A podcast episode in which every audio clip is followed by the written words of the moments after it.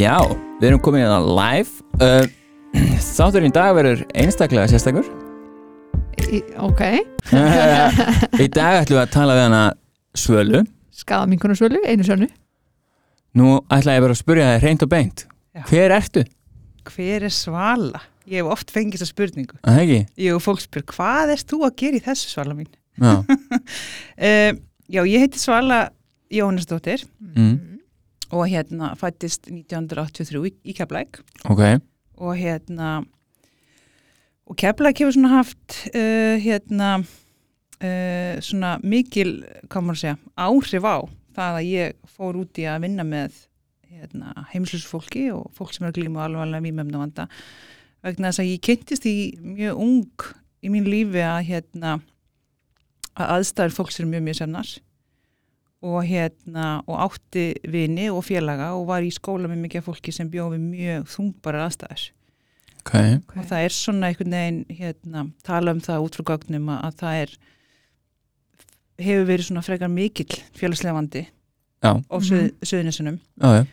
Og það svona hafði mótandi áhrif á mig. Og hérna uh, já þannig að ég hef svona frá ungum aldrei einhvern veginn haft svona skilning á að lífið er bara frekar flóki fyrir suma og fólk er bara að glíma við alls konar. Það er saga á bakvið Mm. hvern og einn. Þannig að þú er svona umburðalind um, Þú ert ákveð umburðalindi Strax frá uppaði Flestir nefnilega Já. uh, dæma. Já, En- ég myndi segja að ég hafi svona ákveðin skilning á að, að hérna, hegðun fólks og vandi á ákveðin svona sögulegt samhengi. Ok, Okay. Þannig reynir nálgast fólk. ok Mhm. Og svo er, var ég svo svakalega heppin að, hérna, að pappi minn hérna, var fórstuðumar á fjólunni og akkur áfangaheimilinu Ok, í tvö eða þrjú ár. Þegar ég er sem sagt, pappi er búin að vera hérna, uh, edru í 30 ár ok og hérna sjátt átt Á, pappa, sko. klálega, algjörlega áskumunum til hamingi með geggjaðan Ég árangur veit það, þetta er frábært. Þannig að við tölum um pappi sko tvo ámálstega Já, akkurat. Og hérna, en ég semst í rauninni hitti pappa minn svona fyrir alvöru þegar ég svona 6-7 ára, Já, þegar hann semst verður reytrú Mhm. og þá hittust við hérna, þá var hann á takmarkani hérna, takmarkinu á, takmarkinu. Akkurat. Og mér fannst svo ótrúlega gaman að fara og taka hérna, hérna strætóin til Reykjavík og hitta pappa Já, vera þar með köllunum og hann var, pappi var að taka með mokka kaffihús og ég er bara lítil stelpu keflæk skilur og mér fannst þetta geggjað. Ég alltaf bara, getur við fara aftur á staðin með skrýtnafólkinu. Og pappi var að segja, þú veist, þú vildir aldrei fara í þú veist, hérna, hérna kringluna eða dýragann og bara, getur við fara að hitta skrýtnafólki já, Þannig ég er svona frá mjög ungum aldrei aðalega stað svona, það sem við myndum kalla svona einhvers konar jaðarsettu fólki, Já. Fólki sem var ekki svona mjög mainstream. Og það svona Mhm. kallaði til mér og mér fannst það mjög áhugavert. mhm, Svo flyttu pappi norður og reyku fjóluna þannig að þegar ég fer heimsækja pappa þegar ég er bara 7, 8, 9 ára þá er ég bara áfangaheimilinu, þú veist bara gist upp hjá pappa með mhm. skilur 15-20 mönnum. Já, og mér fannst þetta svo dýrmætt og þetta gaf mér svo svakalega mikið þannig að um, þannig að fíknivandi var bara einhvern svona uh, ótrúlega eðlilega veikindi fyrir mig. Já, þannig að frá mjög ungum aldrei einhvern veginn skildi ég að hérna uh, svona eðli vandans og að bakslag væru eðlilega því svo kom ég og þá var kannski bara einhver farinn og pappi ertu útskýra og þannig að ég hef aldrei upplegað, þú veist, neitt ótta eða hræðslu eða fordóm þetta er bara einhvern veginn bara, þú veist, eins og all, all önnur veikindi mhm. Þannig að ég held að ég, ég kem inn í þetta starf og málaflokk svona út frá þessum bakgrunn. Já, þannig að þú ert með alveg gríðalega svona reynslu í raunur af því að vera í kringum fólk sem hefur þurft að díla við þetta Já, og ég er mjög stutt sín átt að maður að Já. þetta Hm, hefði eitthvað svona mótandi áhrif Já, að því manni finnst náttúrulega bara sín eigin lífsaga að vera bara svo ótrúlega eðlileg Já. normið svo, Já, og svo þegar maður fyrir að pæla í því þú veist, hvað raunverulega veldur því Mhm. að þá er þetta svona hefur hérna ákveðin mótandi áhrif og ég hérna byrja í konukoti sem er atgraf fyrir heimisleysu konur 2007 Já. og það eru 14 ár síðan hann er búin að vera vinna í raun með sko heimisleysu fólki í Reykjavík og fólki sem er svona oft skilgjörn með fjölþættan vanda mhm, alvarlegan vímöfna vanda í 14 ár. Og hérna og ég fann það bara þú veist bara fyrstu vaktinu minni í konukoti bara this is my place. Mhm. þetta var svo einfalt fyrir mig og mér var þetta svo rosalega skemmtilegt. Já. og ég bara elska þessa konur skilur mm söguna þeirra, lífið þeirra og að reyna að tengjast þeim og allt þetta. Og það var bara ekki rosalega flóki fyrir mér. Við veist þið sko brjálaðslega falli lýsing. Mér Já. finnst fallegt að bann fái að það er ekki sjálfsagt einmitt, að bann fái að upplifa þetta. Ég er svo rosalega glöð yfir því sko að því að ég hef oft talað um það þegar ég er að, veist, að ég er að kenna mjög mikið á minn námskja og svona segir stundum þess að sögu. Að því að ég held að skipti máli sko að við sko hvernig börn fá að nálgast þessi veikindi. Mm -hmm. Auðvitað þá stuðning og fræðslu Mhm. og ákveðin svona mörg en ég er ekki vissum í dag uh, að allir myndu gúttera eða barnavend það Mhm. að sjörugurum stelpa Mhm. væri í þessum félagskap fer inn á áfangaheimili Mhm. til pappasins og gistir þar Mhm. En En ég get þú sagt þér að það myndi ekki vera samþygt Nei, en þú veist, þetta var rosalega dýrmætt fyrir Já. mig Mhm. og mér fannst þetta bara, þú veist, þetta var bara magna, þeir stjönuðu við mig, skilur Mhm. ég bara mátti ekki fara efstu hæðina því það er sko reyktu þeir, Já, einmitt skilur en annars var ég bara tampustu mig með þeim, Já. baka, skilur þeir voru að kenna mér að teikna Mhm. og þetta var bara svo ótrúlega fallit hús og fjóluguninu á Akureyri, Mhm. þannig að já, Þannig að þú er einhverju fjagst að sjá svona kannski svona og upplifa kærleiksríka veist, hliðina af þegar menn eru svona í auðmygt og, og að reyna að betra sitt líf Já. og færa svolítið svona að kynnast þeim þar og, og, og Já. sjá veist, þessa góðu hlið af alkoholistum í raun já, þannig að, akkurat og bara þetta mannlega, skilur, Akkurat. við erum öll bara fólk akkurat og hérna og það sem ég hef kannski þú veist, að því umræðan er svo ofta þegar fólk er búið þróa með sér vímefna vanda þá Mhm. er það einhvern veginn bara í sko, stjórnleysi hegðun og, Mhm. og hérna mjög skadilegt og þú veist, allt bara rosalega svona neikvæð orraða Mhm. mm þú veist, þegar þú vinnur með fólki á þessum stað Mhm. þá er það ekki mín upplifun -hmm. skilur, mér finnst miklu meira aðstæðan sem fólk er sett í Mhm. akkurat íta undir það að fólk ja. síni ákveðna hegðun Mhm. en þegar þú ert í samskiptum við einhvern einstakling sem ég hef heimilisli sem er mikið, þú veist, vímefnavanda mm þá er bara allt annað í gangi, skilur við Já. þú veist, þá er bara umhyggja og kærleikur og hérna og bara góð samskipti -hmm. svo þarfst þú að fara að gera og græða og gera eitthvað þá bara kemur eitthvað alltaf neð ljós fattu ykkur til að fara Já. algjörlega um, en kannski ástæðan fyrir því að ég sé hann þróist út í skadamingun Mhm. er vegna þess að 2009 um, að þá fer ég skiptinám til Hollands og var þá hérna Skiptinám í hverju, hvað varst að læra? ég, Sorry já, ég var hérna, lærði félagsfræði og kynjafræði saman. Fer út til Hollands Mm. ég skiptir á mig kynjafræði Mm. og og komst að því sem setna mér að útrekt, borgin sem ég bjó í var svona mekka skadamingunar í Evrópu Mm. ég hafði ekki hugmyndið um það og hafði aldrei heyrt þú veist, um þetta harm reduction aðeins heyrt en var ekkert mikið skilur, svona faglega eitthvað spáði og hérna ég býja hann í halvt ár og hérna alveg æðislega borgarbúi Mhm. Og, og er svona bara að sé einhvern veginn að það er alls konar fólk bara, þú veist, hérna um, í miðborginni Mhm. alveg fólk með augljóslega mikinn geðvanda, mikinn vímefnavanda um, en það voru svona ákveðin þætti sem ég tók eftir, það var enginn að betla um, það var ég sá oft svona mikið af svona fagfólki á götunni vera að sinna og ég var svona, mér finnst þetta mjög áhugavert Okay. Þannig að ég í rauninni skilur svo kem ég heim og hérna og þá eiginlega tók ég svona ákveðum bara eitthvað við þurfum að innlega þessa hugmyndu frá ikonokott og þá á þeim tíma var búið að starta frá ragnarbílum sem ég eiginlega vissi ekki af Mhm. Okay. þannig að hérna fyrir svo aftur út í Hollands og, svo, og bara ákveða þá ég skoðaði sko 13 skamengun úrræði á mánuð eitthvað, ég var bara í mánuð. Ég var bara all in. Og talandi um ADHD að vera svolítið íkt ég er bara eitthvað ég ætla að læra allt um skadamingun og ég bara er á netinu og er að senda öllum e-mail og bara eitthvað viðhaldsmenn fyrir að las og las og las og las og las. Og fór út og var í mánuð og hérna og bara skoðaði þú veist 13 skadamingun úr og þetta var svo mögnur einsla því það er allt öðru sig eins og ég hef oft sagt fólk. Þú veist, þú, ert að lesa greinar, þú ert að lesa rannsóknir, þú ert að lesa bækur en nú ferðin í úrræði Mhm. og ert með fólki. Þetta er bara tvent ólíkt. Og mér, það var alltaf verið að bjóða mér í svona sko, ferðir með starfsfólki. Ég fór að skoða heroin klinik og ég fór að skoða neyslurími og ég fór að skoða vettfangsteimi Mhm. hérna svona átílsteimi fyrir fólk með hérna eh, sem var að glíma heimilisleysi ég skoða sko neyðaratkvör og búsutu úrræði og skoðaði hérna, mjög áhugavert tvö úrræði fyrir hérna stuðningstjónst fyrir fólk sem var í svona kynlínsvinn á götunni Mhm. og það var eitthvað svona þá var ég alveg blown away sko Já. og en svo lagði ég alltaf ásla það að það er, þú eigðir x miklum tíma með starfsfólki Mm. svo reynir að bonda við eitthvað skjálfstæðing Já.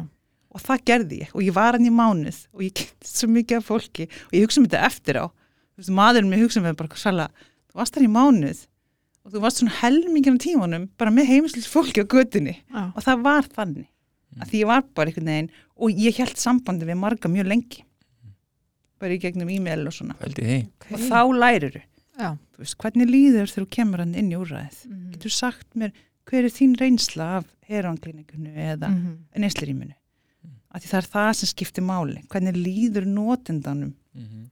Veist, hvaða já, hvað nei, hvað sér hann. Mhm. sem getur náttúrulega allt annað heldur en starfsfólki segir, eða sér. Já, Já. og það sem þau síðan segja mér. Já, já, Mhm. nákvæmlega.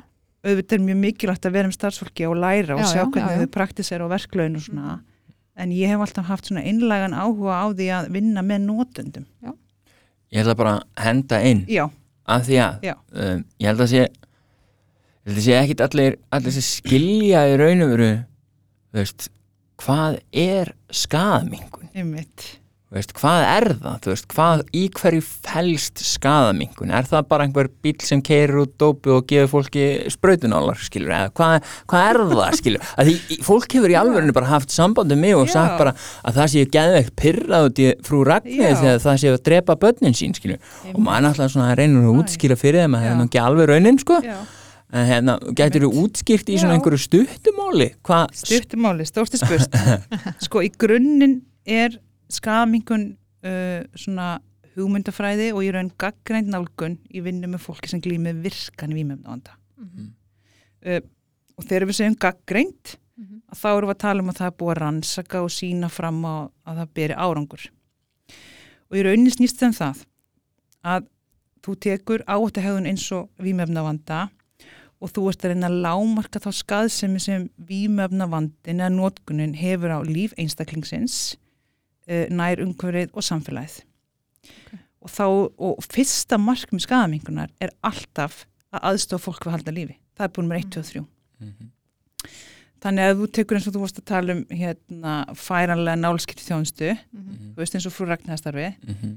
eh, að þá er alltaf markmið frú Ragnar eins og allar skaðamingunarverkefna bara hvað þarf verkefnið að hafa Mhm. til þess að skilja aðstofa þá sem er svona stað svo þau lifi þennan kapla af Mhm. og fólk kannski þekkir ekki náttúrulega sko ástæða þess akkur það að hafa gott aðgengir heinum og styrilum búna skipti máli Mhm. en það er vegna þess að ef fólk er að sprauta sig Mhm. nota vímefni æð Mhm. að þá erum við að opna ákveðna leið inn í líkamann fyrir bakteríur og veirur Mhm. og, og fólk getur fengið síkingar, húðsíkingar og við eigum bara til miður uh, nokkuð tilfelli það sem fólk hefur látist mjög alvarlegum síkingum út af því að það var ekki með gott aðgengir hreinu sprautubúnaði Akkurat. þannig að þess að það skiptir þetta máli Mhm. og dragur þú veist leifurborgu sé á háfa, etc. etc. Mhm. þannig að fyrsta markmið skamingun er alltaf bara aðstofa fólk við að halda lífi Mhm. uh, síðan er verið að huga því að reyna að draga úr sko svona óafturkrann skada og eitt til dæmis bara svona klassist dæmi um það er til dæmis að, uh, fólk sem notar mikið áfengi Mhm. það uh, býr oft við mikið B-vitaminskort Mhm. vegna þess að þegar við erum að áfengi blóðinu að þá á líka með mjög erfitt með að taka upp B-vitamin Mhm. og mikið af svona skada sem hérna alkoholista til dæmis verða fyrir er bara skortur B-vitamini Mhm. það hefur áhrif á sjónina, minnið taugakerfið Mhm. Og fólk getur orðið bara mjög veikt af því. Þannig eins og skadamingun leið til þess að að lámarka þetta er að gefa fólki B-vitamin. Já, B12 spröður meðal annars Mhm. og bara B1 og B3 og svona. Mhm. um, þannig að fókusin í skadamingun er alltaf sko afleðingin Mhm. við erum að fókusera á það hvernig getum við dreigið úr uh, skadanum og áhættunum sem fylgir vímefnanótkuninni að því að við vitum uh, að þeir sem þróa með sér alvarlegan vímefnavanda eiga mjög langa sögu á baki.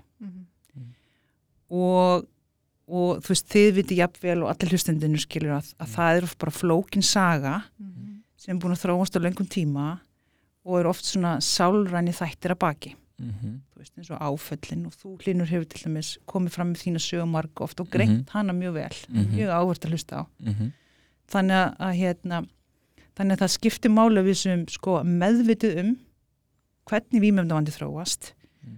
og á meðan að fólk er í, með virkan vímöfndavanda að við séum með úrræði og stuðningstjónustinu sem reynir að grípa fólk á þeim stað sem það er Mhm. til þess að aðstöðu verið lifin að kapla af ég, ég með eina spurningu Já. að því að ég held nefnilega sko, sko, það sem að fólk heldur oft sko, Mhm. það heldur oft bara að skaðum einhvern þjónust gangi bara út á því að aðstofa fólk að dreipa sig ekki þú veist, á meðan það er í virkri skilur, en, að, en að, að, hérna, að stefna þeirra sé ekki að reyna að hjálpa fólki að vera etru að því að uh, og, og ég, ég hef oft stundu sagt sko við fólk að, Já. að ef að til dæmis frúræknar bílinn Mhm. væri með pláss í meðferð Já. til þess að skuttla fólki þegar það sér að fólk væri uh, bara á, þú veist, bara með þess að vera bara í uppgjöf Já. og væri bara tilbúið að vera etru það hef ég oft sagt að ef að svo staða væri raunverulega fyrir Mhm. hendi að frú Ragnar væri með plássin á vogi eða eitthvað Mhm. svoleiðis eða einhver öðru meðferð þá myndu þau líklega skuttla fólki bara beinustu leið en það er bara því mér ekki raunin en sko í öllu mitt svona að, bara takk fyrir að nefna þetta að því að hérna sko í svona skadaminguna verkefni þá er maður bara fyrst og fremst að ná að grípa fólk og þjónusta fólk á þeim stað sem það er núna. Þú veist, það að hérna treysta sér til og fá sko áhuga kvötin í það að fara í meðferð og losa sér við öll vímefni um, það krefst svolítið tíma. Og ég meina þú þekki það hlinu skilur. Þú bara vaknar ekki beint daginn, herri bara nú ætlum ég að ákvæða þetta. Nei. þetta er prósess. Mhm. Og í skadamingunarverkefnum þá viljum við emmi tengjast fólki sem er þarna og byrja að vinna með motivationið Mhm. það snýst rosalega mikið um áhuga kvötina Mhm. og hérna og fólk sem vinnur mjög mikið í skadamingun bara svo ég þú veist, maður hérna, þjálfar sig mjög mikið í ákveðin samtali þetta motivational interview, en því það er svona gaggreindasta samtalsmeðferð með fólki að, stað, að því það er svo mikil tvíbenni Mhm. þú veist, þú hittir fólk og það bara svala, mér langar svo ógeðslega mikið að komast út úr þessu, mér líður svo illa ég held þessi að deyja, skilur mig. Á sama tíma get ég ekki ímynda mér lífið hans að nota.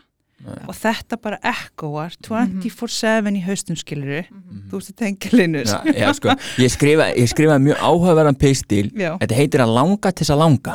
Já, og hérna, að- að samkvæmt mínum pisli já, og það er sérst að, að telja sér trú um það að mann er langi til þess að vera etru en mann er langa samt í raunverulega ekki að gera það sem þarf að gera til þess að vera etru og sko takast á við allt þetta. einmitt, en hugrænt. Mm þarfst að mæta fólki þarna. Já. já, og þannig að við mætum fólki í tvíbenni og við erum að tengjast þessum part þessum Mhm. mismöndi pörtum. Mhm. þetta er bara þvíliki kontrastar á sko mjög háu stígi og stundum er bara öskrandin í haustum um, þannig að þá mætum að fólk segir bara ok Linur, þannig að þú svona, þú sér fyrir að hérna til langar og svo mikið að komast út úr þessu og vera eitt staði fyrir fjölskyldina þína. Á sama tíma. Getur ekki ímyndað þér. Lífið á hans að nota. Og þú bara mætir fólki þar skilur, þú ert að búa til rými, örugt rými þar sem fólk getur fengið space eða rými til þess bara að hugsa og meta að því um leið og við förum að íta á fólk sem er start þarna þá tekur skrif tilbaka. Bara allar ansvöndin sína okkur það þannig að maður þarf að vera sko tilbúin til að mæta fólki þarna. Við þurfum að spá í sko að það, það þarf alltaf að vera að tala um að mæta fólki þeim stað sem það er. Maður þarf að gera sko bæði líkamlega og andlega. Er er ekki líka bara svolítið mikið það, þú veist, að ef að við förum að að pressa fólki og, og, líta á það sem svona sjálfsagðan hlut að vera etru og við, við raun og setjum standardin svolítið háan. Og einstaklingur farið þá jafnvel bara í það að brjóta sér niður yfir því að hafa, ná ekki þessum standard vegna þess að það hefur ekki getið að hefni að þroska til þess að takast á við það að geta náð Einmitt. þeim standard. Já, og það er einmitt akkurat það sem rannsóknir sína Já, er að við verðum bara svolítið og það er það sem reynir starfsfólki mjög erfitt. Mhm. að er bara að vera, fólk, vera með fólki í tvíbenni Mhm. að því hún leiður fyrir ít eins og segir Mm. að þá sjáum við að fólk tekur skrif tilbaka Mm. og við viljum alltaf halda tengingunni og halda leiðinu opn Um leið og þú ert tilbúin þá er þetta staðar Mhm. skilur, þá mun ég þá veistu hvort þú getur leita og þess vegna skipta skadamíkunarverkefni mjög miklu máli að því að fólk veit að bara þetta er úrræði fyrir mig Mhm. þarna er fólk sem mun hjálpa mér þegar ég er tilbúin Ætlaði að spyrja, er beinu framaldi Já. og þú segir, þannig er fólk sem er tilbúið að hjálpa mér Já. hafa skadamingunar úrræði einhvers konar uh, leiðir til þess að hjálpa fólki ef það skildi vilja verða eitthvað Já, bara eins og mörg önnur úrræði er að við sko, uh, þú veist, ég er náttúrulega ég stýrði frá Ragnæðverkunni frá 2015 til september 2020 okay. hætti þá okay. og hérna hún Elisabeth Byrnastóttir, Ja. einmitt, hjúkunarfræðingur, tók við að mér og stýr núna verkefninu um, hérna já, öll svona úrræði eins og fyrst frú Ragnöður og konukot og gistaskilin og svona mm og vortemi og Reykjavík og borg um, eru mikið að stiða við fólk að komast í meðfyrir og ég meina mjög stór hluti af frú Ragnæðarstarfun er að aðstofa fólk að komast í meðfyrir eða innlagnir Mhm. Ok. þannig að, að svo leið sem er farið er að, veist, að ringi lækna síman og vogi Mhm. Láta vita, ítrekka, senda beðinir, fara með fólki við til í von, Mhm. fara með fólki á brámynd og geðsvis. Þetta gerum við mjög mikið. Ja. Og þú veist, og þegar ég var aðna þá hérna, var ég mjög mikið í þessu. Mhm. Og þú veist, það vinnur náttúrulega með manni að þú veist, ég er búin vera svo lengi sem málaflokk að maður Mhm. er komið svo ofsalega. Akkurat Já. Þannig að, að hérna, og bara ótrúlega mikið af góðum samstarfsaðilum og var til dæmis bara mjög gott samstarf þegar ég var við S.O.A. og Mhm. og fíkningiðadeld og hlagirakot og svona Mhm. þannig að, að hérna, við gátum mjög oft komið fólki Mhm. inn í meðferð Mhm. það var hlustað á okkur sem fagæðala og fólk vissi að ef þú varst komin á þann stað þú varst að leiti frú Ragni að þá var staðan bara orðin svolítið alvarleg Mhm. og það er engi sem lappar inn í frú Ragnabílinn sem er búin að eiga mjög stutta sögum ímefnavanda Nei. þetta er mjög löng saga að því að neysla þróast í fólki Mhm. og ef við tökum bara til dæmis eins og bara lifið oxi, Mhm. fólk byrja fyrst að þau gleiputöfluna, Mhm. svo er það ekki að hérna myndast þól, þá fyrir fólk að, að milja töfluna niður og taka í nefi Mhm. skilur, þetta er bara Mhm. svona Já, já. og svo fyrir fólk að reykja, Mhm. og svo fyrir fólk að gera eitthvað annað og svo að nota í æð, skilur Mhm. Þannig að við vitum bara þegar þú lappar inn í frá ragnarbílinn þú spyrir að nota vímefni æð þá bara veit ég, þannig er löngsaga baki Mhm. ég þarf að mæta þér þar Mhm. skilur Hefur þetta ekki samt verið að breyta svolítið mikið núna undarferði sérstaklega bara síðustu þrjú ár þar sem að vímefna notkun í æð hefur farið mjög aukandi sko, ég er alltaf svona svolítið að varbyrgi með þetta því að mm, að því sko tilfinningi getur verið ein. Já, akkurat. Uh, og mín tilfinning þegar ég var í frú Ragnar á konukoti er að samkvæmt barnavendastofi Mm. er þetta ennþá bara mjög fá ungmenni í hverjum árgangi. Uh, og það er ekki aukning Nei. hjá þeim. En í heildina? Svo sko það sem við, við náttúrulega eigum ekki til gögn. Það, það sem við erum er- alltaf að mæla með, með sko, eða þú veist mæla við er bara innlegnantölur í S.O.A. Já, og þá eru svona áallega að lang flestir sem Mm. nota vímefni að Íslandi fari ykkur með fyrir S.O.A. Mhm. Uh, kannski er það en við vitum það ekki Nei. þannig að hérna, við erum alltaf miðan við tölu frá sko meðfyrastofnun Mhm. sem er í raunin kannski það nákvæmsta sem við eigum í dag um, þar hefur sko held ég síðustu 15 10-15 ár verið mjög lítil aukning, Mhm. hún er ekki mikil og mín reynsla þegar ég starfaði hérna mest í þessu Mm. þá var svona mín reynsla er að um, fólk prófar að nota í æð Mhm. Mhm. en fæstir þróa með sér þannig vanda skil. þannig að mjög margir kannski eða mjög margir uh, þú veist ég var með marga skjólstanga sín tíma sem voru kannski aðalega bara í áfengi og bensulifum Já. en hefðu það verið margóft prófa að sprauta sem með amfetamín eða einhverjum öðrum efnum Mm. en bara fíluðu það ekki þannig Nei. Og það er kannski önnu mýta þegar kemur að vímefna notkun er að fólk heldur að ef þú, ef þú notir í æð Mhm. þá ertu bara hoot for life Já, já. Mhm. það er ekki Mm. þannig Nei.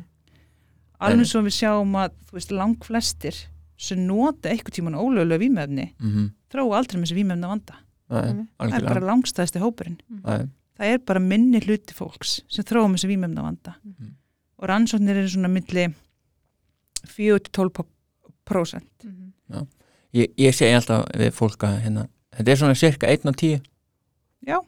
svona cirka 1 af 10 það er fínt að miða við það, að svona 10% af fólki Það er- en bara samkvæmt tölum frá S.A.A. þá Já. getur eiginlega sagt að það eru 27.000 einstaklingar sem að hafa farið í meðferð og Já. við erum 350.000 mm -hmm. og að ávætla það að hérna, þá getur við séð svona cirka að það eru ef mínusar útlendinga sem eru ekki Íslendingar Mhm. og, og jari jari og þú veist, þú Já. reiknar eitthvað neginn út að þá, þá er þetta svona cirka 1 af 10 þetta eru 1 af 10 hverjum strákum og ég held að það sé 1 af veist 20 og eitthvað af, af stelpunum það eru færri stelpur það eru tölur. Já. það eru 30% konur og 70% skallar ég held nefnilega þegar að því að þú veist að því að hérna, mér finnst oft gaman að spá í svona, svona kynjuðum veruleika Mhm. mm. er að sko við sjáum til dæmis með konur Mm. samfélagið okkar sko gefur konum miklu meira rými til þess að þróa messi vímjöfndavanda Já. það er, það er, þeim er síður sko útýst hent út af heimilinu Mhm. líka náttúrulega bara því það er bera svo miklu ábyrg ofta heimilisaldi og barnauppeldi Mhm. um, ég held að sé ástæða fyrir því að okkur konur leita síður í vímefna meðferðis ok, það er bæði vegna þess að þær hafa meiri rými til þess að vera heima fyrir með sinn vanda Mhm. og líka vegna þess að þær hafa kannski ekki tökkaði fyrir innlagt Mm. og í Kanada eru sér meðferðir þar sem konur fari í vímefna meðferð með börnin sín já, en ég minna einstæða mæður hafi ekki tökkaði fyrir vímefna meðferð nei ekki það nema, bara ba- glemtist ekki, að hugsa út í það ekki nema bara að börnin séu tekin að þeim á meðan. Já. og er það gott fyrir börn? Ég ætla ekki að vera dómur um það við ætlum ekki skilja Nei. en, en sko allavega sem Kanada hefur, hefur, hefur farið þálega og mjög þetta mjög áhugavert til kynntist þessu Mhm. að þar eru sem sagt bara vímefna með fyrir sér hannar fyrir mæður mm. þar sem fjölskyldan leggst inn já, Ok, já, ég hef ekki heyrt þetta áður. þetta er mjög áhugavert Já. og þá er bara bæði stöðningur og meðferð fyrir börnin og móðurinn er að vinna með sinn vanda á þeim tíma það er ótrúlega fallegt og þarna sjáum við að eh, það er meira hlutfall. Þannig að þú, þannig að þú myndir halda því að, þú, þú er raun og verið svona heldur að það séu fleiri konur rann úti sem eru að þróa með þessi fíkn heldur en tölun að gefa já, raun vittnisspurðum að því að við vitum bara að konur leita síður í hérna, innlagna meðferð heldur en kallmenn Mhm. bara því þar hafi ekki þar ha- hafi ekki sama tækifæri til þess ég er líka alltaf sitt alltaf spurningamörk í það sko eigum við alltaf verið að nota dýrasta úrræðu okkar Mhm. sem er sko innlagna meðferð með heilbriðstarfsfólki allan sólarhingin fyrir alla ég held að fæstir þurfi það það er ákveðin hópur sem er mjög alvarlega en vímöfnavanda sem vissulega þarf það það þarf að mónitora og lifja að gefa ofta sólarhingin og allt þetta Mhm. það er bara mjög mikinn stuðning mm. En ég held að flestir gætu bara nýtt sér annars konar stjónstu sem er mun ódýrari. Mhm. göngu til þetta meðferð, það sem þú bara mætur á mótnana, sækir lifið þín ferð í fræðslu, ferð svo heim kemur jafnvel aftur, ferð á fund eða fræðslu, sækir lif já, fólk sem er bara með þannig bakland og stuðning á heimili góða fjölskyldu þurfa allir að leggjast inn í ég, ég er ekki mentaður í þessum fræðum ég ætla bara, Nei. ég hérna. Já, en En- okkur vantar fjölbreytileika það er alveg það sem ég er að segja. Já. og mér finnst að við eigum að hérna, skima betur og greina betur hvers konar meðfyrir hver og eitt þarf. Mhm. ég er ósámála því að það sé verið að nýta dýrasta þjónustu engrepið fyrir alla. Já, það er áhugaverð skoðun, klálega. Og hérna, ég veit allan að til dæmis að ég þurfti á því að halda. Já. Ég, ég get bara að tala út frá mér, ég er mjög besta með bara við mína einn reyslu. En ég er samt alveg sammálaðir að það er, veist, auðvitað var fullt af fólki sem að maður satt með í meðferð sem að maður hugsaði bara, þú veist, þú hefur ekki prófað skít, skilur, já, you ain't seen nothing yet. já. og þá Þannig að veltir þegar maður ég var að vinna á þessum stað Já. og fullt af fólki sem maður hugsaði eftir á og þegar nefnir Já. þetta þá fullt af fólki sem maður hefði ekkit endilega þurft að vera í innilegjandi meðferð en svo er annað svo aðrir sem að hefur kannski þurft miklu, miklu meiri meðferð. Já, akkurat. Veist, þannig að og þess vegna gengur ekki að samveður alla. Já, eða á ekki að gera það. Og þess vegna sko sagan er bara svolítið þannig að hérna að því að uh, samfélag okkar og heilbrískerfið og líka félagslega kerfi hefur svolítið verið að, um, að meðfundla þennan sjúkdóm eins og alla. Mhm, en í dag bara út af öllum þessum rannsóknum sem við erum að fá eins og í áfallafræðinum og fíknifræðinum og svona erum við að sjá að, að vandi fólks er bara mjög ólíkur. Mhm, það kannski, þú veist, þróast að þú já, sækist í vímefnin til þess að komast í annað ástand og að kannski díla við einhvern innri sásöka eða hérna uh, já. Um, en það sem þú þarft raunverulega er ekki endilega sama. Við þrjú kannski þyrstum mjög ólíka hluti. Algjörlega. Að þeir einslokkar og hérna saga og hversin þau fórum að nota vímefni er mögulega ólík. Mm, þótt að séu svona ákveðin atrið sem hérna fólk á sameigilegt og út frá því finnst mér mjög mikilvægt að við séum með fjölbreyttar meðferða nálganis Já, ég, ég, ég get komið með góða samlíkingu Já. fyrir ykkur. Þetta er, þetta er eins og ef, að, ef að allir myndi borða það sama. Mm. e, sumir eru feitir sumir eru grannir sumir eru svangir, sumir ekki. Meina, fæði er bara sa, samskonar, ég meina, ég borði eitthvað sama og einhver annar veist, það er kannski nóg fyrir hann en ekki fyrir mig veist, og, og það er bara sama með þetta þú maður þarf að fóðra sálina og fóðra andlega heilsuna sína og Já. það er bara mismöndi prógram fyrir hvern og einn. Já, þannig að ég er mjög sammála því. Mhm. þetta er bara eins og maður fer til enga þjálfara við myndum örgulega ekkit enda á saman prógrami sko. við myndum ekki að, en emmitt, Ah. En eitt sem við náttúrulega vitum út frá öllu þessu er að hérna, uh, það hefur náttúrulega verið mjög stert svona að vinna út frá þessu heila sjúkdóms Mhm, mótili. Og í dag er náttúrulega innan svona fíkna áfallafræði er það mjög gaggringt. mhm, Af því það er mjög svona takmarkandi. mhm, Við vitum náttúrulega bara í dag að þú veist, það eru sálurinn og félagslega þættir sem hafa mhm, mikil áhrif og þróun á fíknivanda. Mhm. og það þarf að koma því inn í allt meðferra kerfið algjörlega, og út frá því vitum við að meðferð þarf að vera einstaklingsbundin, hún þarf að vera Mm. fjölbreytt. Algjörlega. En hvernig, ok, nú, nú er ég sko eins og frá mér þegar ég, ég, ég átti mitt mesta moment mitt mesta moment of breakthrough þá svona moment of clarity þegar ég átti mig á því að ég væri með sjúkdóm ok, og, og heilin á mér væri veist, ekki, undir áhrifum þá Mhm. væri bara heilin á mér ekki að virka rétt. Um, þetta gaf mér svona ákveðin svona ok, það er eitthvað að mér mm veist, en það er hægt að laga það og, og í lausninni við því sem að mér var sagt var það ég þyrfti að stunda andlega veist, sjálfsvinnu. Mm þurfti bara að vinna í sjálfu mér og mínum persónuleika og mínum áföllum og því sem ég þarf að gera og, mm veist, og þar með myndi ég halda mig frá veist, uh, þá myndi ég vera í bata frá þessum sjúkdómi. Um, þú veist, ég samt einhvern veginn fyrir, frá mér er heila sjúkdóms einkennið, það er alltaf bara það þú getur ekki nota, þú veist með svona ákveðil óþól Mhm. fyrir vímugjöfum eða Mhm. veist, þú ert með óþól fyrir því og þegar þú notar þau að þá mjög líklega ferðu aftur á gamlar brautir í heilanum þar, þannig að þú í raun og veru Mhm. ferð í sama systemið Já. og þú ferð og spíralar niður á við Mhm. nú hef ég séð nokkra svona sem eru í umræðinu þeir hafa tekið þá veist, að maður getur unnið úr áföllunum og unnið úr sínum álum og svo byrja að nota aftur á einhverjum tímapunkti. Mhm. telur þú þetta eiga við raukastiðast Uh, já, fyrir suma. Ok, því ég séð það. Ok. Það sem skiptir rosalega miklu máli þarna enn og aftur, þetta er einstaklingsbundið. Um, fyrir suma bara er ekki þess virði að taka áhættuna. Mhm. og ég held sko eins og þú ert búin að tala um núna mm að þá væri það ekki mjög skynsalegt að þér? Ég meina þú veist ég, fyrir, fyrir mér er bara ef ég myndi fara að reykja krakk núna Já. það væri bara mjög ólíklegt að hafa neinn góð áhrif á mitt líf. Einmitt. Og svona mín reynsla þegar að hérna uh, fólk á kannski vanda þá er hann kannski annars eðlis kannski heldur en við erum að tala um þunga vanda skilur Mhm. eins og þú varst að díla við hlinur og fólk sem ég hef unni með sem er að þú veist að nota vímöfni æð og bara einhvern veginn Mhm. missir tök á öllu í lífinu Mhm.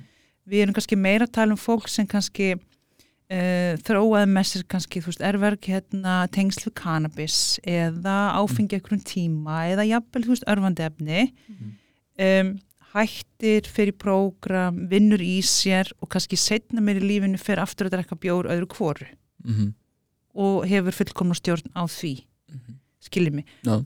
Málið er bara sem skipt svo miklu máli. Þetta er ekki svarkvít, þetta er ekki þannig að þú ert í neysleið etru mhm, þú veist, Akkurat. fólk notar vímöfni bara af sko marskonar ástæðum. Mhm, og sumir þróa með sér vímöfna vanda ákveðin tímabili Mhm. í sínu lífi. Mhm, og það er bara ákveðin tímabili út af, út, út af aðstæðum. Mhm. það bara misti tilgang misti eitthvað nákomin Já, já.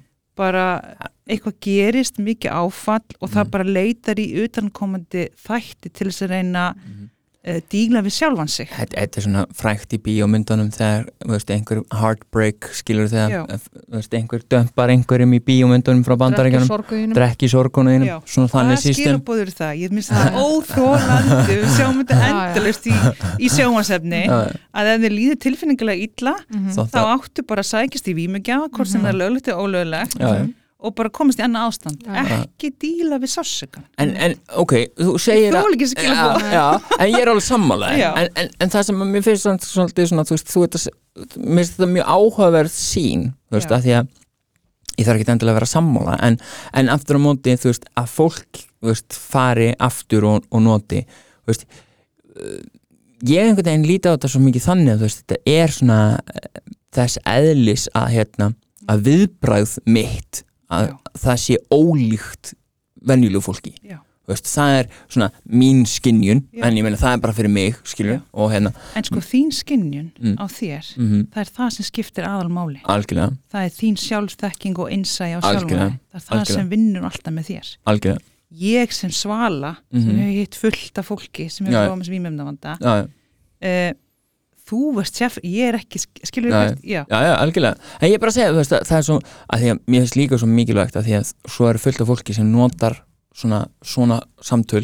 Já, svo hlustar bara, já, kannski get ég bara farið og fengið mig núna. Ég meina, það, það er bara ég, meina, Ég er búin að fara í þrjá fjóra sálfræði tíma Já, og og, og þá allt einu bara, já, ég get ég ræð alveg við einn. Og þá er maður svolítið svona, að því ég held að fólk sko, að því alkoholistar upp til hópa eru mjög góður í sjálfsblekkingum við erum Jú, mjög jú. góði að blekja okkur yfir Mhm. þetta er bara eins og í, vikunni þá var ég að reyna að selja með það ég geti farið að stera, eða þú veist, ekki stera þú veist, öðruvísi svona stera sko, þá var ég allt í einu komin í eitthvað svona, já, Já. það er ekki hugbreytandi já, ok, og þá er ég farin en, en þá kemur alltaf át af þess sem varst að tala um tilfinningin undirliggjandi sem veldur því að mig langar til þess að nota eitthvað einmitt. er það að mér líður ekki nóg eins og ég er það er grundvallar og, og mér finnst svo eins og til dæmis fólk sem er bara, það, það getur ekki hist nema að sé að drekka. Einmitt. mér finnst þetta, þú það, ég, stundum þá get ég verið bara svona að því ef þú ert undir áhrifum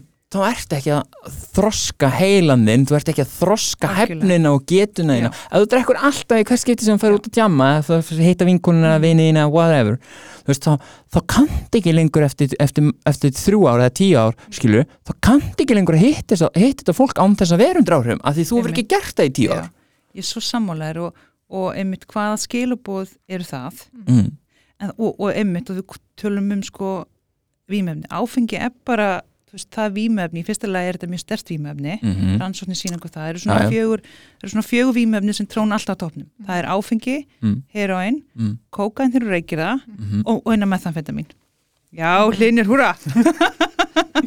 ég náðu á toppin loksins Já, þú veist, og áfengi er með. aldrei í fitness þarna náður Þarna náður. En sko, þess finnst mér svo mikilvægt að við hættum að segja, þú veist, áfengi og vímefni. Já, já. ég er endur alveg saman Já, þessu Þannig erum við aðskilja. Já, Áfengi er vímugjafi og það er stærst vímefni sem hefur hugbreytandi áhrif algjörlega. og slæfandi Já. áhrif uh, og eins og með áfengi og önnu slæfandi efni þá getur fólk ofskamta áfengi en við tölum aldrei unna Nei, um það, algjörlega. við tölum bara um já hérna, já hann fór bara í blackout Já, eða hann bara dó og svo allt í henni fór hann að æla ókslega mikið bara, það að æla áfengi er ofskamtunur enkenni þú pældi því fólk getur dáið þarna. Já, við við skulum Mér finnst sko eins og, eins og ég sé þetta munur náði til dæmis að því varst að segja að þetta er náttúrulega einstaklingsbundið. Já, að því að þú tekur svona eins og orðar svona tímabil já, þú veist, í til dæmis einhverjum efnum eða að eins og ég horfa á þetta mm að þá er það í rauninu og tekur áttu við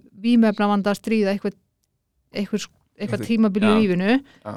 en kannski þróar ekki með þér sjúkdómin Já, ég, Já. það er einhvern veginn eins og ég hef Já. skilgreint þetta í Já. mínum haus einmitt, ég, ég er mitt orðalagið fíkni sjúkdómur já, hvar liggja mörkin Já. við sjúkdóm og fíkni vanda Já, og, og, og ég vil oft meina það að einstaklingar eins og ég sem að erum svona mjög all in Mhm. það var alveg afgerandi frá því ég prófaði að stera Já. að ég notaði stera mjög ólíkt öllum öðrum einmitt. Þeir sem voru að nota stera á, Þú fannst það bara mjög flott misti stjórn já, já, ég, um já, heldur ég en fór að setja í mig bara eins og ég væri einhver veluna hross einhver staðar út í kapreðum sko.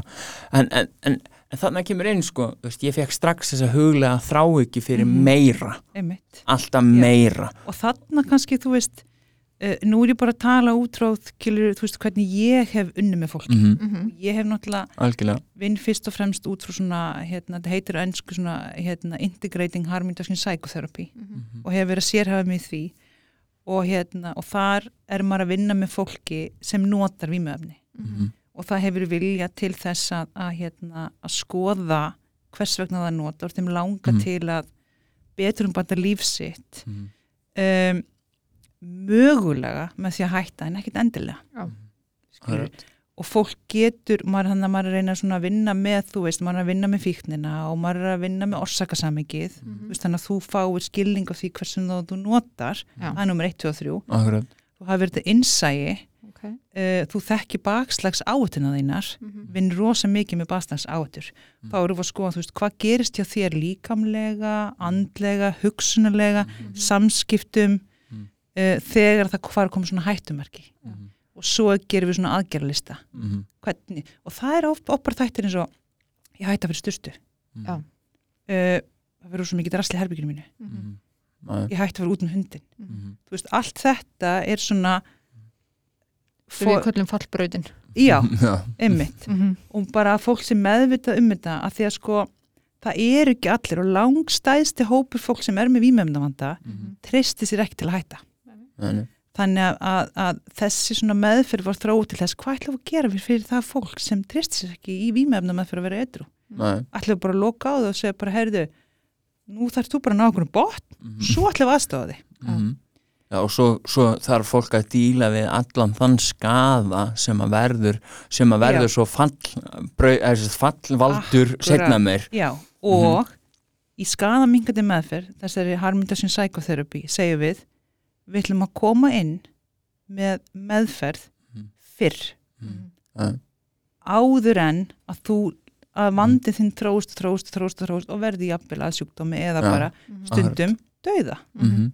algjörlega Þannig að það er svona pælingi, þannig að sko mín nálgun á þetta, ég er náttúrulega að vinna kannski með mjög breiðum hópa fólki algjörlega þú stundum hitt ég bara fólk sem hérna um, hefur þróað með sér sko vanda við cannabis Mhm.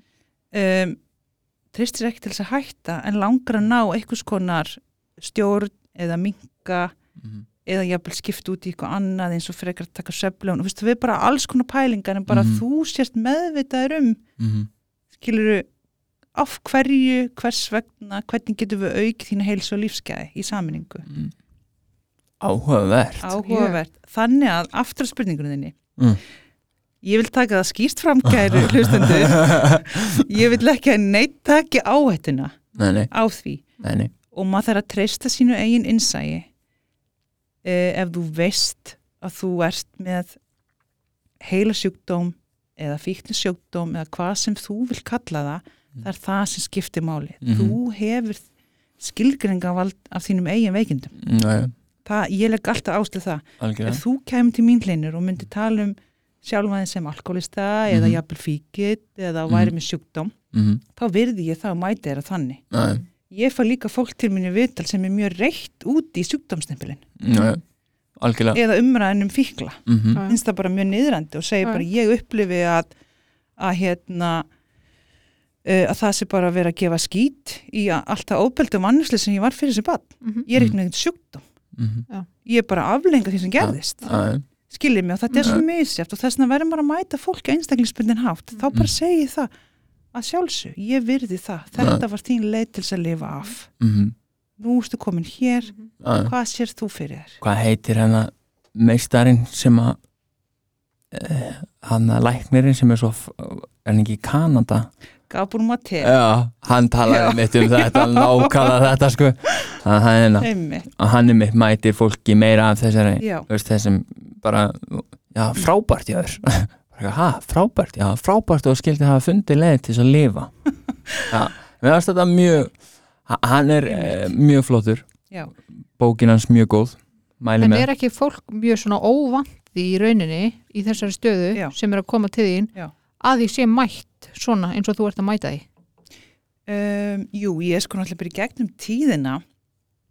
Ég er svo ótrúlega heppina því ég er búin að vinna svo lengi að hérna að ég, ég þekki rosalega marga og hef hitt mjög marga sem er, Mm. þú veist, að nota í æði eða með Já. mikið vímöfndavanda og svona. Þannig að fólk svona þú veist, kannski hitta fólk í fyrsta skipti bara eins og þegar ég var í, þú veist, hérna uh, þegar ég var starfið fyrir Ragni þú veist, þá vissi fólk alveg hvað svalið fyrir Ragniði var. Já, já. Mhm, en ég hef með svona ákveðin trampspil á hendinni. Mhm.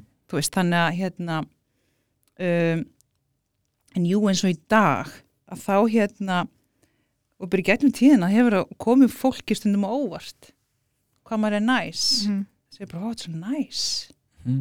skilur Mér finnst þetta bara magnað því fólk er oft mjög hissaði hvernig ég já, tala til þessu fólk sem er með fíknsjöldum já, þessu svona byrju allar ekkert að dæma mig? Einmitt já, Nei, einmitt. Og það er, það er rosalega sorglegt að að við sko séum samfélagslega mm og kerfislega bara í úrræðum í þeirri stöðu. -hmm. og það er eitthvað svona sem skadamingun til dæmis öll skadamingun og úrræði leggja mjög mikla áherslu á uh, að fólk haldi mannlegri reist Já. þú Ég- bara, þú þróa með vímefnavanda en það er, þú veist það er enginn sem afsala sér mannistendum eða virðingu þótt sérst með vímefnavanda Mhm. það skiptir ekki máli hvað þú hefur gerst í lífinu eða á hvað stað þú ert þegar þú lappar inn í það sem við kallum Harm Reduction Service þá mætum við þér að virðingu Mhm. og við ætlum að hlusta um einlega um áhuga hvað þú hefur að segja að því þú skiptir máli. og Ég- ætti náttúrulega að vera allstaðar Það ætti að vera alls Já, staðar og skamingun í grunninn er í rauninni bara svona líðheilsu nálgun. mm, Við erum að draga úr smitsudómum, mhm, draga úr fólk frá sýkingar, draga úr ofskondunum og vímöfnum og döðsföllum. mhm.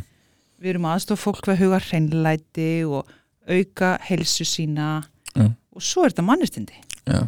Nú, nú er ég með svona Já. að því að við erum alveg farin að slaga henni í 50 Er minúnar það? Og við erum búin að tala um alls konar. Herðu, og ég ætla, ég ætla Gaman að tala við ykkur. ég ætla að negla, ég ætla að negla í eina Já. spurning, ég er með tvær í raun Ok, önnur kemur út á það að um, hver er munurinn að því sko, ég veit að margar mæður eru þarna úti mjög áhyggjufullar Já. yfir börnum sínum sem eru kannski að nota vímefni í æð skiljanlega.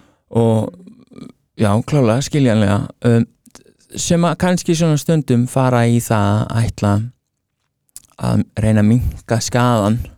Og, og líta kannski stundum svona miskilja kannski svolítið skadaminkunina Já, og fara kannski pínu út í það að vera bara pínu meðvirk já. getur þú sagt okkur bara svona þú veist, Mhm. fyrir þennan venjulega einstakling sem er kannski ekki eitthvað fræðingur að Mhm. hva, hver er munurinn á veist, meðvirkuninni og, og, og skadaminkuninni Einmitt, þetta er mjög góð spurning um, og í svona gegnum tíðina hefur þetta einmitt svona stundu komið upp sérstaklega hjá aðstandendum uh, sko í grunninn snýst náttúrulega bara skadamingunum og við erum að reyna að draga úr áhættu og skada sem notkun á vímefnum hefur í för með sér. Það er bara nummer 1, 2 og 3 Mhm. um, sko ef við tölum um aðstandendur og þú ert náttúrulega að nefna sérstaklega mæður uh, að hérna að þá kannski eins, eins og þú veist þegar ég hitti aðstandendur og mæður og svona þá er maður náttúrulega alltaf að, að skema fyrir því hvernig samband vilt þú við barnið þitt? Skilur hvert þér að fara? Og maður er alltaf að reyna að aðstofa fólk við að ná að eiga sko kærleisríkt samband samskipt og samveru út frá mörgum meðvirkinn náttúrulega í grunni snýst bara um það að maður er ekki að setja sig og sína tilfinningar í fyrsta sæti. Þannig að ef ég stöðugt að lefa fólki að ganga yfir mig uh, að þá myndu sumi kalla það meðvirkni. En ég lít alltaf að meðvirkni fyrst og fremst sem þannig að hérna uh, að fólk þarf svolítið að upplifa það á eigin skinni ef það telur sér vera meðvirkt. Mhm. ég er ekki þannig fagaðli að ég myndi segja við þig hlinur hlinur þú ert bara drullu meðvirkur.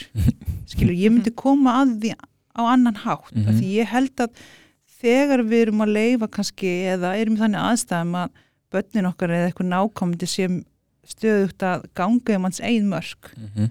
þá myndi ég hugsa þú veist, hver eru svona þín mörklinur? Mhm.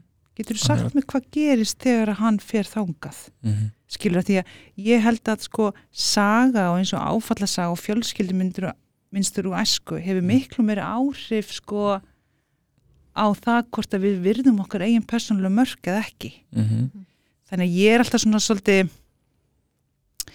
um, ég er ekkit rosa mikið svona að slengja fram meðvirtnishuttakinu Nei. en ef þú kallar það þannig að þá Mm. bara, þú Mhm. veist, Mhm. þá getum við talað um það en meðvirkni fyrir mér er svona, kannski bara svona fyrst og fremst þannig að, að maður er ekki að virða sín eigin persónulega mörg Mhm. og maður er ekki að setja sjálfan sér í fyrsta sæti En er skadamingun meðvirkni? nei, Þú skadamingun veist, er það er svo- kannski svona fólk sem myndi halda því fram, sko. ég skil uh, nei, skadamingun er alls ekki meðvirkni af því að þegar að þú lappar inn í til dæmis skadamingur í þjónustu þá er bara ákveðið bóði Mhm. þú veist, við erum bara fullt af þjónustu yngrippum Mhm. og, og markmiðið eins og til dæmis við tökum bara frú ragnæðastarfið eða við tökum bara þú veist, konukott Já. af því ég hérna, hef unnið þar Mhm. þú lappar inn mín ábyrð sem starfsmæður Mhm. er að, að hérna, taka ábyrð á þeim samskiptum sem ég á við þig núna Mhm. og ég ætla að leggja mig fram í að hlusta Mhm. og spekla og valið til þína tilfinningar ég er að skema fyrir til dæmis við tökum frú Ragnar verkefnisdæmi þá skema ég fyrir hvað vímöfni er að nota áttu sögum að hafa ofskamtað uh, fólk fær þann búna sem það þarf og við erum að hjálpa fólki við að lifa af og hugsun sína heilsu Mhm. svo fyrir fólk bara út og þá eru 150 aðri þætti sem hafa áhrif á þeirra ákvörðantöku ég ber ekki ábyrð því Nei. Skilur mig, Mhm. þannig að sko Þeir eru raun og veru ekki að taka neina ábyrð á neina Nei. öðru en því sem er uppsett þjónusta sem Já. fyrirfram er ákveðin. Já, og samskiptunum. Já. Og ef þú myndir lappa inn til dæmis og vera í ákveðnu uppgjöf Já.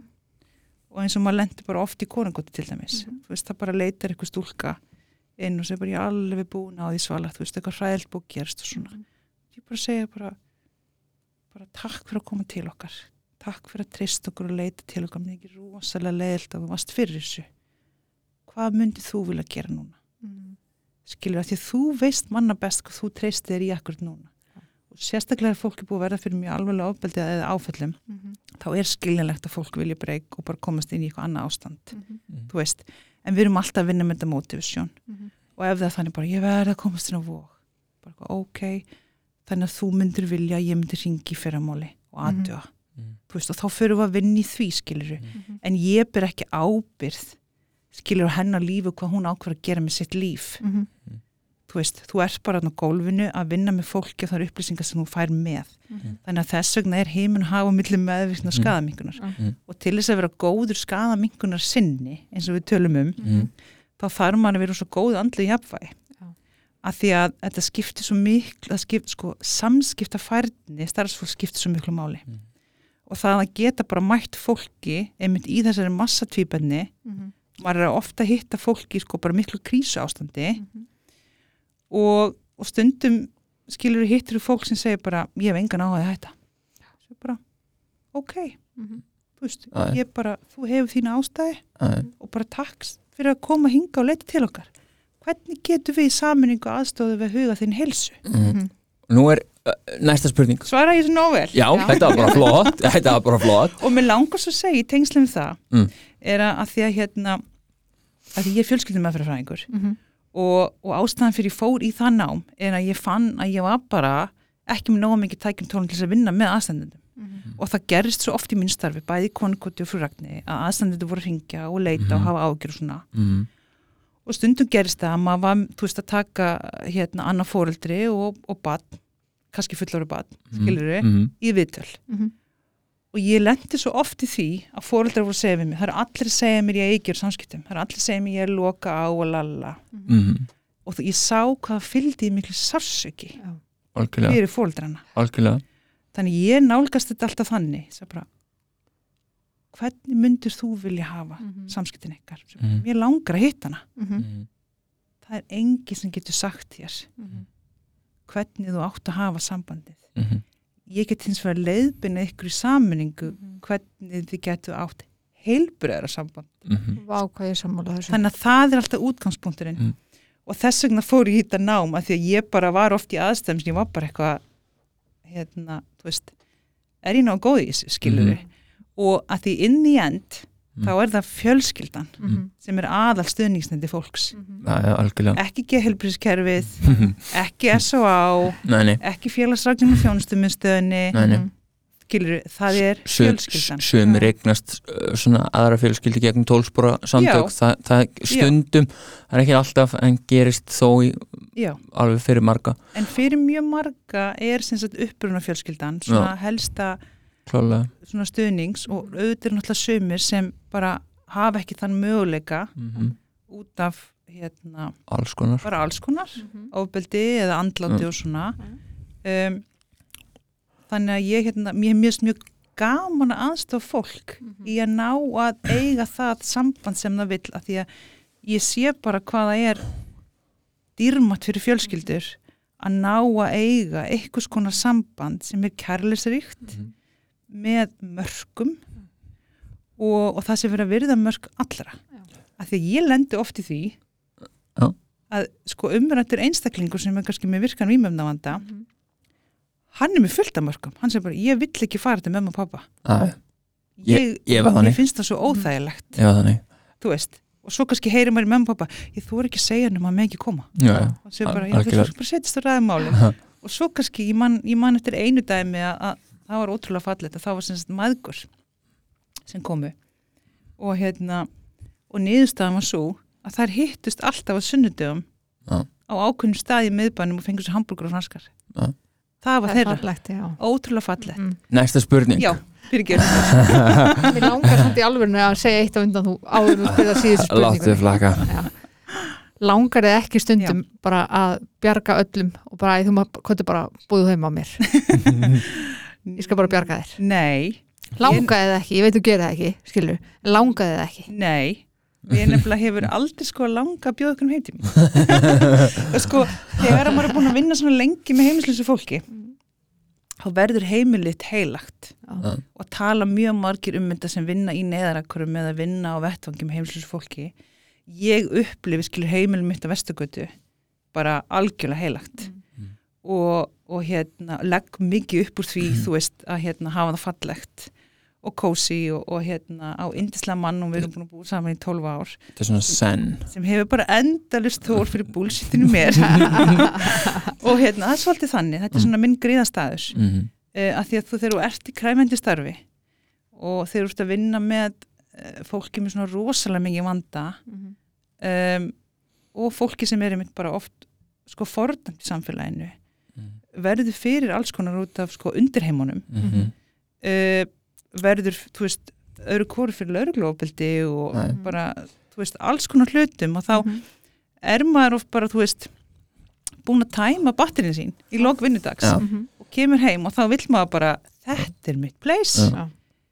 hérna þarf ég bara að hlaða batterinu fyrir næsta dag algjörlega og þetta er bara svolítið heilagt síðasta spurningin, já, takk fyrir þetta Tina Bara ekki vandamáli uh, ok, þú hefur verið ég náttúrulega er svo heppin að vera með þig sem vin á Facebook og hérna, Já. ég fylgist oft með því hvað þú ert að segja þú eh, átt að til að heita naglan á höfuð og hérna um, þú ert svolítið svona uh, það er skemmtilegt að þú bendir oft svolítið á orðræðu og, og hérna Mhm. hvernig fólk orðar hlutina og sko við gætum líklegast talað í tvo tíma sko en- mér er það eru tvö mál sem að mér datt svona í hug já, uh, Housing First projektið Já. sem að fekk svo bara eiginlega ekkert rosalega góða móttökur það var svona það var frábært verkefni frábært, veist, bara frábært framfaraskref, mm. Mhm. neyslurímin líka, já, það er annað framfaraskref, það eru Já. gríðarlega mikið hlutum að gerast í þessum málaflokki Já.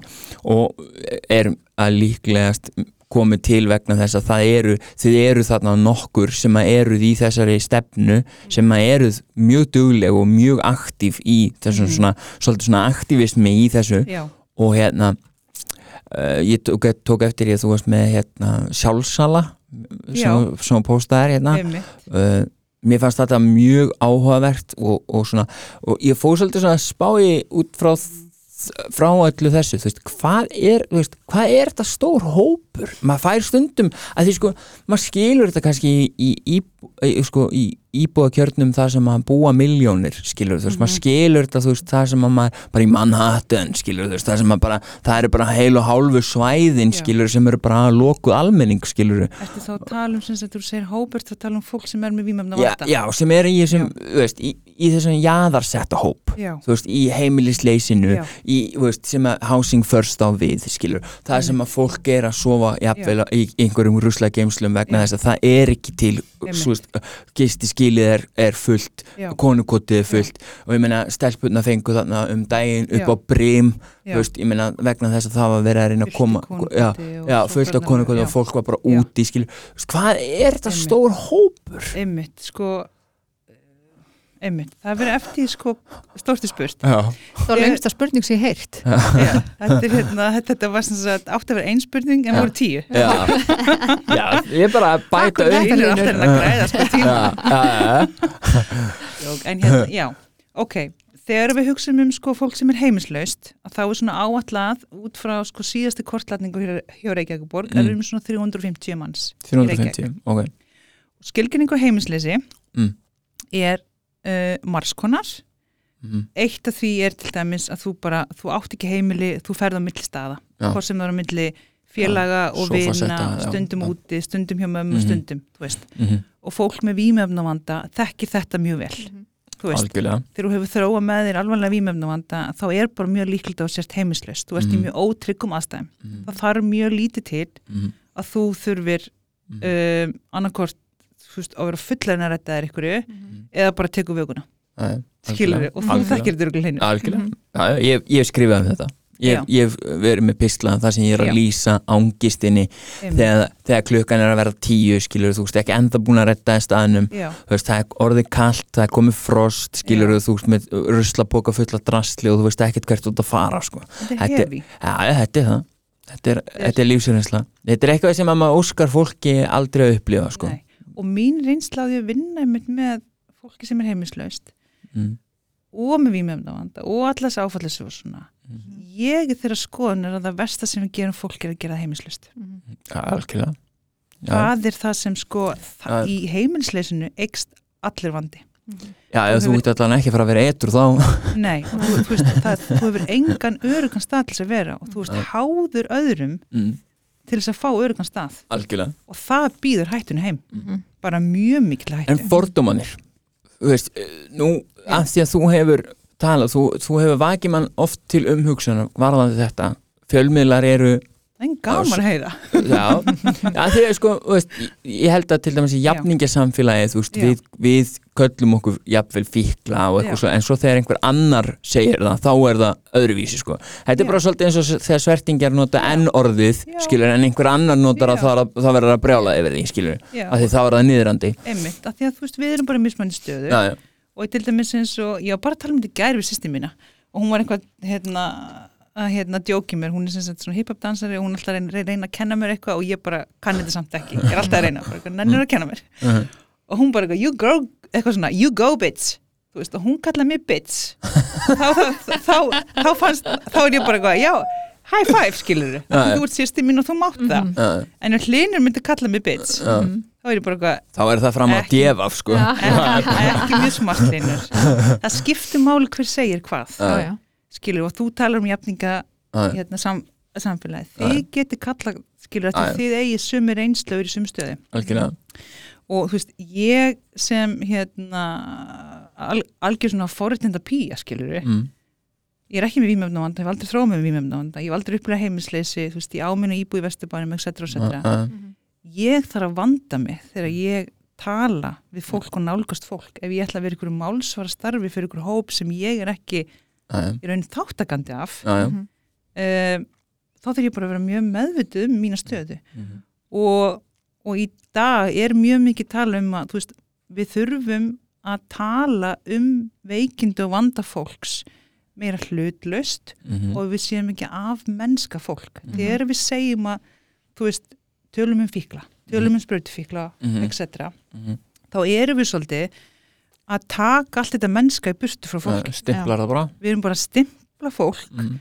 Niður í, í, í þann vanda sem það er að glíma við núna.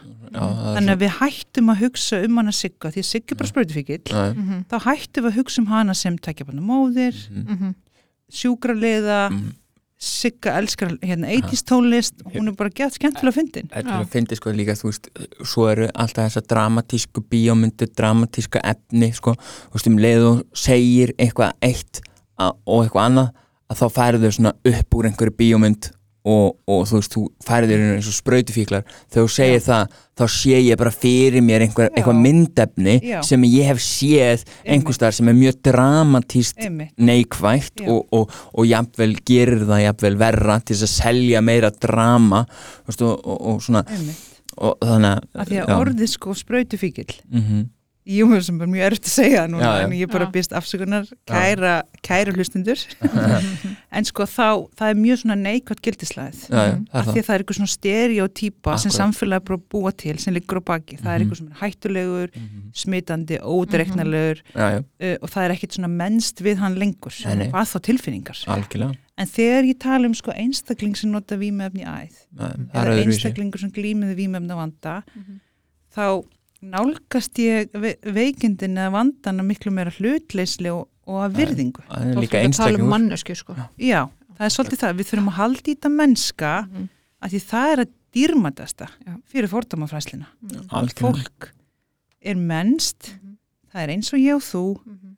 og það þrá allir mannlega reysn og við erum að gera allt í okkar valdi til þess að leifa fólki að halda í mannlegu reysnina búm, Búm. Búm, er þetta ekki bara að gegja það? ég held að það veri geggjur logo það er ekki, Jú, mannleg Ég reist vona það, ég vona, sátt? ég vona ég hafi svarað þessi nóg vel, að ég veit að þú varst svona svolítið að pæla í sko, Ég- ég langar svo mikið að hlustendur skilji mikilvæg skamingunar algjörlega og kannski bara e- eitt af lókun er að það sem skiptir máli, við viljum bú í samfélag það sem eru góðar forverðnir Mhm. það sem við erum að reyna að koma í veg fyrir að fólk þróum þessi vímefna vanda algjörlega fyrir þann hóp sem fer að nota vímefni og þróum Mhm. vanda þá viljum við hafa stuðningsúræði Já. eins og skaðamingandi þjónustur Mhm. sem grýpur þann hóp og er að reyna að lámarka döðsföllin Mhm. og síkingannar og allt það hættulega sem gerist og að byrja að vinna á því að mynda tengingar Mhm. og reyna að virkja áhuga kvötinu og vonina um að það geti tekið hænuskref í næstu átt. Mhm. Svo viljum við vera með frábær meðferðúræði, Mhm. fjölbreytt, Mhm. sem taka á móti fólki sem vil Já. hætta veist. Og svo þessi indislega endurhæfing sem það er nú ansi mikið að byggja upp á Íslandi. Já, við, erum, við erum með hugmyndir þar Já. Mhm. Við Þannig að þetta, þetta verður að vera, vera svona samfella, skilur við. algjörlega Vímöfna nókun er, er, ekki, er ekki bara þú veist að vera í neyslega etru. Nei, nei, algjörlega Og við viljum bara að hvað sem þú ert á þessari línu Mhm. að þá sé stuðningur sem grýpur þig og getur þjónustið út frá þínu forsendum. Mhm. Og skamingu segir bara við virðum það, þú veist að þessum stað, við vitum og þú átt sögu, við berum Mm. skilning, Mhm. uh, við erum hér til staðar Við erum með þér í ef liði þú vilt, já, Já. ef þú vilt taka næstu skref. yeah. Það er von Það er von Það er von. Þetta er nefnilega, þetta er geggjan nafn Já. Herðu, geðveikt, takk, fyrir að koma, Þú sem þakki fyrir að bjóða mér og bara enn og aftur, takk fyrir allt ykkar magnaða starf, því líka kraftur í ykkur fólk. Yeah. Takk sem leiðis Já, takk, bye Takk, bye